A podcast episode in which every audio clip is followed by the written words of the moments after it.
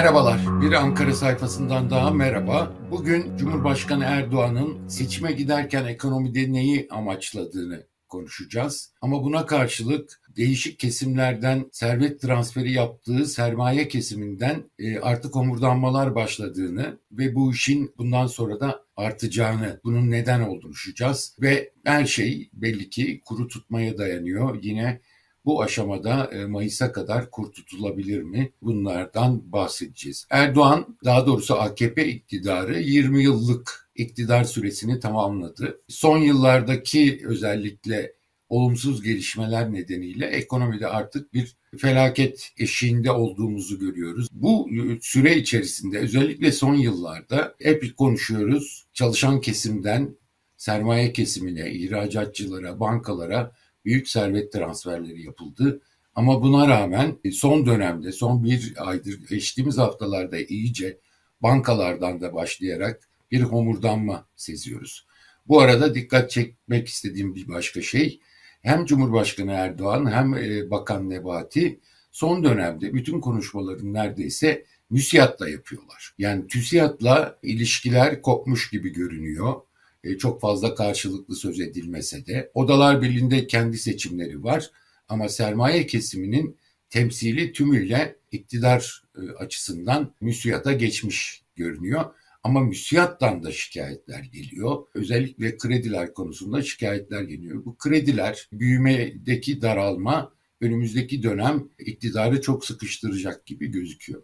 Peki iktidar askerliğe de meraklı bir iktisatçının deyimiyle stratejisi neydi, taktiği neydi ve sonuç ne oldu diye baktığımızda strateji yanlıştı. E, fiyat istikrarı yerine sadece büyüyelim diye bir strateji vardı.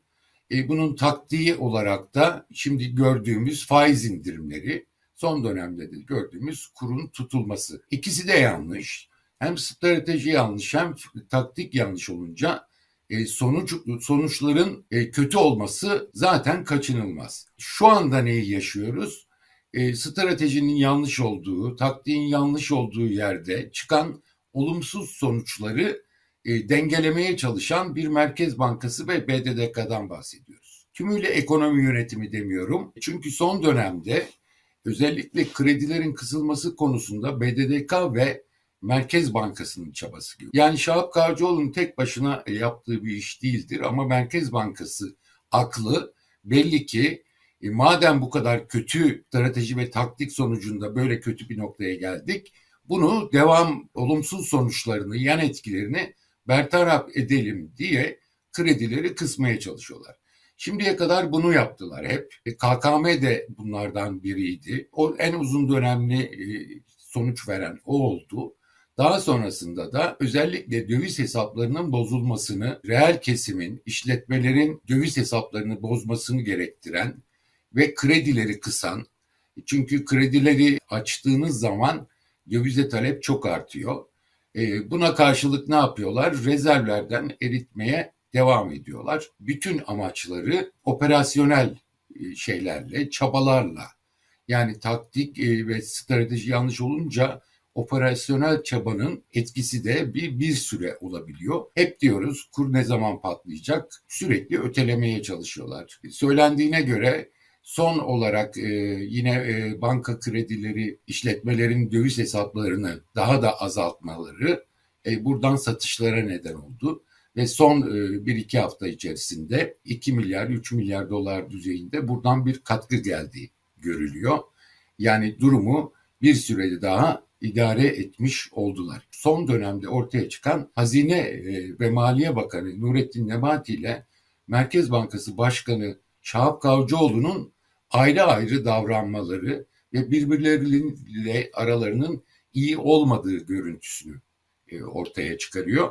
Gerçekten de bakıldığı zaman birbirlerinin olduğu toplantılara gitmiyorlar. Ayrı ayrı açıklamalar yapıyorlar. Yani Merkez Bankası Başkanı belli ki demiş ki Cumhurbaşkanı'na kuru tutarım enflasyon da baz etkisi nedeniyle iner. Belli ki böyle bir söz vermiş. Bunu tutabilmek için de elinden gelen her çabayı gösteriyor ve en büyük e, şey de kredileri kısılmasında görülüyor. Buna karşılık reel sektörden, bankalardan şikayetler çok arttı gelinen durum itibariyle e, ve Şahap Kavcıoğlu iletişim sıkıntısı olan bir kişi olduğu için çok dert anlatamıyorlar. Bu yüzden de Bakan Nebati'ye anlatıyorlar ve o kanalla Cumhurbaşkanı'na gitmesini istiyorlar belli ki.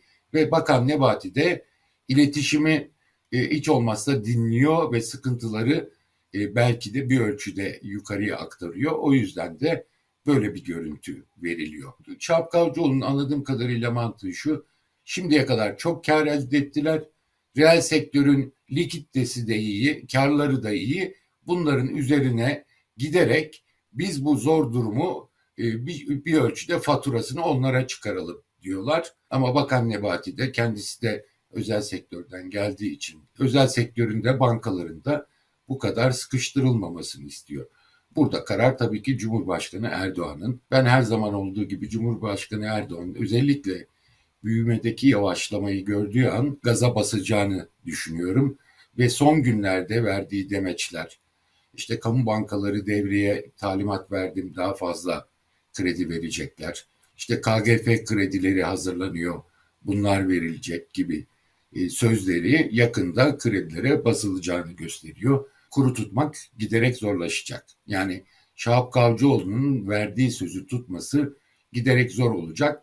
Bu yüzden de görüş ayrılığının önemli olduğunu, bu ayrışma görüntüsünün de aslında bu görüş ayrılığından kaynaklandığını, e, doğal olarak da Cumhurbaşkanı'na kimin yakın olmaya çalışmasından kaynaklandığını gösteren bir şey. Peki Erdoğan ne istiyor? Son dönemki konuşmalarından çıkardığımız kadarıyla e, iktisatçıların söylediği de bu. Cumhurbaşkanı e, Mayıs'ta ya da Haziran'da, Mayıs'ta büyük ihtimalle seçime gidilirken yıl başında vereceği yüksek asgari ücrete zamlarla, emekli memur maaş zamlarıyla enflasyonun gel, gelir e, değerde yarattığı tahribatı telafi etmek isteyecek. Çok yüksek zamların ardından seçime gitmekle oy kazanacağını e, düşünüyor. Bununla birlikte düşündüğü bir başka şey büyüme ve istihdamda e, çok fazla düşüş olmadan biz bu işi gidereceğiz diyor. Bir başka şey de belki e, işte Şahap Kavcıoğlu'nun da etkisiyle söylediği şey de Mayıs ayına gelindiğinde enflasyonun yüzde 40 hatta daha altına inildiğini göstermek istiyor. Yüksek enflasyonu biz indirdik. Bakın 75'ten 85'ten 40'a kadar indirdik. Biz bu işi beceriyoruz, yapıyoruz ve halledeceğiz demek istiyor seçimlere girilirken. Yüzde 40'a ya da altına indirmek için kuru tutması gerekiyor. Kuru tutması için rezervlerden harcıyor. Rezervler eksi 65 milyar e, kamu dahil swap hariç devam ediyor. Geçtiğimiz hafta içerisinde bu alınan son kararla e, döviz bozdurmaları nedeniyle hem e, iş, e, özel sektörün döviz tevdiat hesaplarında 2 milyar dolar civarında bir erim oldu.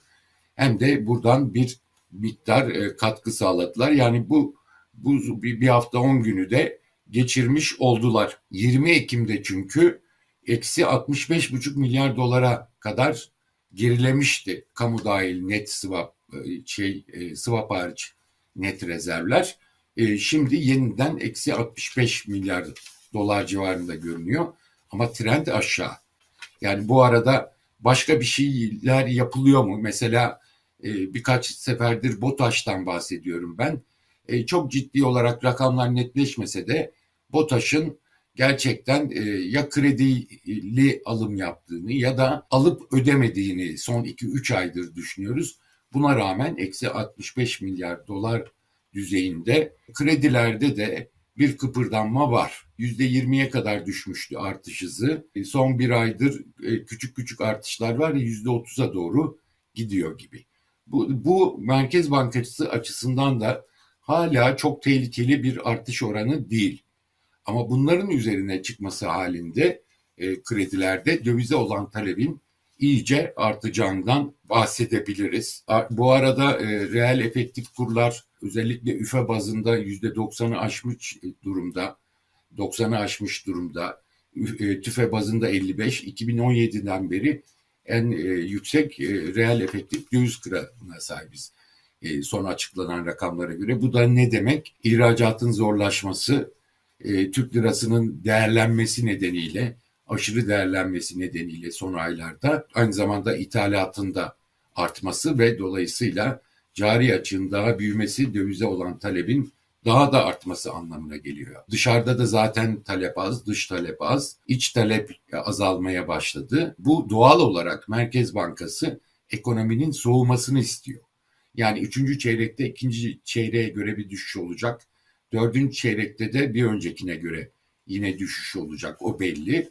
Ocağa gelindiği zaman zaten e, bu yapılacak zamlar öncesinde üretimde, büyümede bir düşüş görülecek. Reel sektörü, ihracatçıları tedirgin eden bir unsur. Şimdiye kadar hükümet hep bunlara verdi ama bunun devamını istiyorlar ve bu yönde taleplere devam ediyorlar. O yüzden de homurdanmalar başladı. Tek müsiyatta yapılan toplantılarda olsa bile Burada da homurdanmalar başladı. Bunun yıl başından sonra iyice artacağını düşünüyoruz. Çünkü e, yıl başında asgari ücrete e, yüksek oranlı yapılacak zamlar özel sektörün yükünü önemli ölçüde arttıracak. Artı EYT var. EYT konusu özel sektöre büyük bir yük olarak geliyor. TİSK'in geçen hafta bir açıklaması vardı. EYT konusuna destek verdiklerini söylüyorlar. Ama bir yandan da devletin de kendilerine destek vermesi gerektiğini söylüyorlar. Hem bunun finansmanı özel sektör açısından hem de erken emekli olanların yeniden çalışmasında şey, işletmelere yeni imkanlar sağlanması, vergi kolaylıkları sağlanması gerektiğini söylüyorlar. Bu telaşın giderek büyümesi kaçınılmaz. EYT düzenlemesi bu nedenle kırpılabilir. Şeylerin EYT bekleyenler için de bir hayal kırıklığı yaşanabilir açıkçası. Çünkü bu konudaki taleplerin giderek yükseldiğini görüyoruz. O zaman ne olacak? İşletme sermayesi ihtiyaçları da büyüyecek ve kredi ihtiyaçları çok daha fazla olacak. Şimdi Ocak ayında zaten maaş zamları ve arkasından kredilerde artış bekleniyor. Bu o, kaçınılmaz görünüyor. Ama ondan önce başlar mı? E, esnaflara başladı. Çok yüksek oranlı değil, e, miktarlar çok yüksek değil. Ama e, bunun bundaki artışın e, devam etmesi kaçınılmaz. E, diyebilirsiniz ki siz işte kur patlamasını ha şimdi oldu ha şimdi olacak söylüyorsunuz. Gerçekten o kadar kırılgan bir durumdayız. Yani dışarıdan bir etki, küçücük bir etki bile bütün dengeyi bozabilecek kadar hassas bir e, çizgide yürüyoruz. Baktığımız zaman e, Kasım'da, Aralık'ta olabilir ama Ocak'tan sonra iş daha da zorlaşıyor. Ocak'ta azalan da dış talebin yerine iç talep verilmeye, iç taleple dengelenmeye çalışılacak. Büyüme yeniden canlandırılmaya çalışılacak. İşte istihdam ve büyüme hedefini söyleyebilmek için. Artı e, maaş olacak. Artı kamu harcamaları çok yüklü olacak. İşte elektrik, gaz konusunda akaryakıtta indirimler bile yapılabileceği hükümetin e, Cumhurbaşkanı'nın bu yola bile gidebileceği söyleniyor. Seçimler öncesinde ortalığı toz pembe gösterebilmek için. Ama bütün bunlar olduğu takdirde bu sefer belirledikleri Mayıs'ta yüzde kırka inecek e, ya da kırklara inecek olan bir enflasyonun e, gerçekleşmesi giderek zorlaşıyor. Zaten Aralık'tan sonra 75 gibi yıllık bir enflasyona ulaşırız. Daha sonra onluk e, e bir Ocak var. Şubat, Mart'ta yüksek yine enflasyon oranları. Ama siz e, harcamaları arttırıp bununla birlikte kredileri de arttırarak bütün iç talebi birden canlandırırsanız hem kurda tehlike büyüyecek, kurda patlama tehlikesi büyüyecek ve kurda herhangi bir hareket olduğu zaman bu olduğu gibi enflasyona ve beklentileri yeniden bozulmasına yol açacak 40'a enflasyonun 40'lara inmesi Mayıs ayında çok mümkün olmayacak. Benim şahsi kanaatim açıkçası e, Ocak ayı en geç Şubat ayından itibaren e, yaptırımlarla ilgili bazı kararların gelebileceği risk, riski de var. Amerikalıların ve Avrupalıların bu yaptırımlar Rusya'ya yaptırımlar konusunda ziyaretlerini sıklaştırdığını görüyoruz. Büyükelçilik bile konuşmalar yapıyor Biz şirketleri uyarıyoruz diyor e, hangi konuların yaptırıma girdiği konusunda. Ama siyasi olarak bakıldığında bile e, öyle bir ortam olabilir ki siyasi mülazalara çok açık bir e, konu. E, buralardan da bir ek şey gelebilir. Bütün bunlar olduğu takdirde e, bıçak sırtında yürünürken kurların patlaması kaçınılmaz hale gelebilir. 20 Ekim'de eksi 65,5 milyar dolara kadar indi demiştik. Yeni dönemde işte son e, şeylerle 2-3 milyar dolarlık oldu. Yine rezervden satışlar kuru tutmak için devam ediyor. Ee, ve belli ki kuru tutacaklar. Yani reel efektif döviz kuru yükselmeye devam edecek. Bir 6-7 ay, yani 7-8 ay hatta dayanabilir mi e, ihracatçılar buna bilmiyoruz açıkçası. E, artı döviz e, talebi de artacak. Sendikasyonlar epeydir söz ediyoruz biliyorsunuz.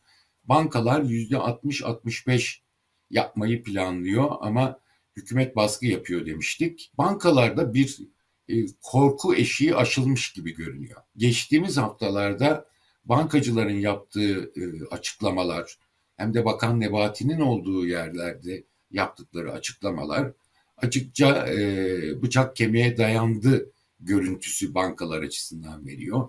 En büyük dertleri e, dertlerinden biri uzun vadeli tahvil almaya zorlaması ve biliyorlar ki Kasım ayında asıl tablo belli olacak.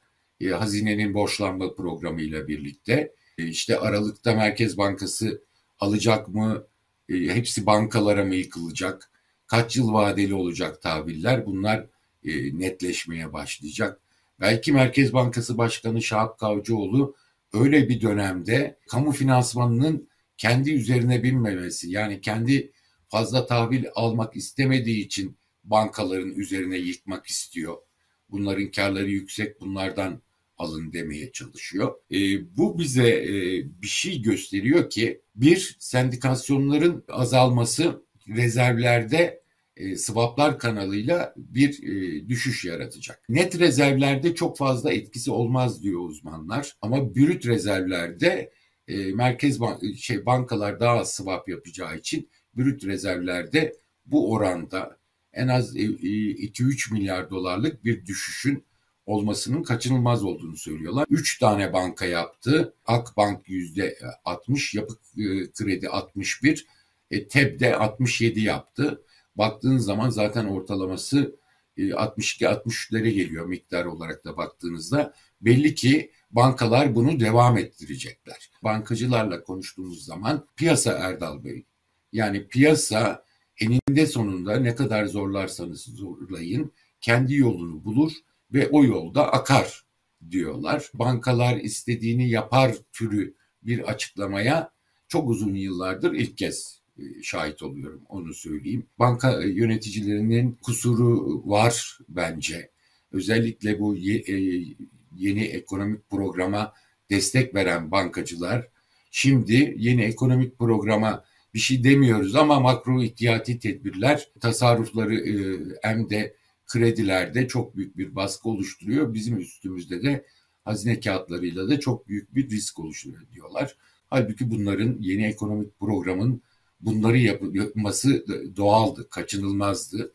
Bence bankacıların bu konuda e, kusurları da kaçınılmaz. E, son 3-4 ay Ocak, Şubat dersek son 3-4 ay May seçime kadar giderken Cumhurbaşkanı için çok zor bir süreç yaşanacak gibi gözüküyor. Özet olarak epeydir yabancılar artık yok. O yüzden de piyasa tepki vermiyor diyorduk. Şey e, kasıtlı olarak bu yapıldı. Şimdi hep istediklerini yapıyorlar. Piyasaya aykırı davranıyorlar. Ama piyasa bunlara tepki vermiyor. E, çünkü yabancılar yok diyorduk. Gerçekten de yabancılar çok az. Ama yabancılar olması da yanlış politikalara bu sefer yerliler tepki vermeye başladı. Bu önemli bir dönemeç. Hem reel kesimden, büyük sermayeden, e, enflasyonun e, sonuçlarını, zararlarını görmeye başladıklarında şikayetler yükselmeye başladı. Hem zaten çalışanlar zor durumda. 20 yıllık iktidarının sonunda en kritik seçimine girerken e, Cumhurbaşkanı Erdoğan e, çok zor günler bekliyor. E, planları ekonomi açısından yaptığı bu planların tutma ihtimali giderek azalıyor. Ama hep söylüyoruz küçük bir olay bile aniden patlamalara özellikle e, artık odak noktası hale gelen kurun bu seviyede gitmesini engelleyebilir. Burada bir sıçrama olabilir. Zaten kur sıçradığı zaman e, bu şeylerin hiçbiri e, amaçlananların hiçbiri yerine gelmemiş olur. Çok zor günler bekliyor Cumhurbaşkanı Erdoğan. Tabii ki ülkeyi de çok zor günler bekliyor. Umarız kazasız belasız, çatışmasız bir seçim dönemine giriliriz. Fatura büyük olacak. Bu haftalık e, aktaracaklarımız bu kadar. Tekrar görüşmek üzere.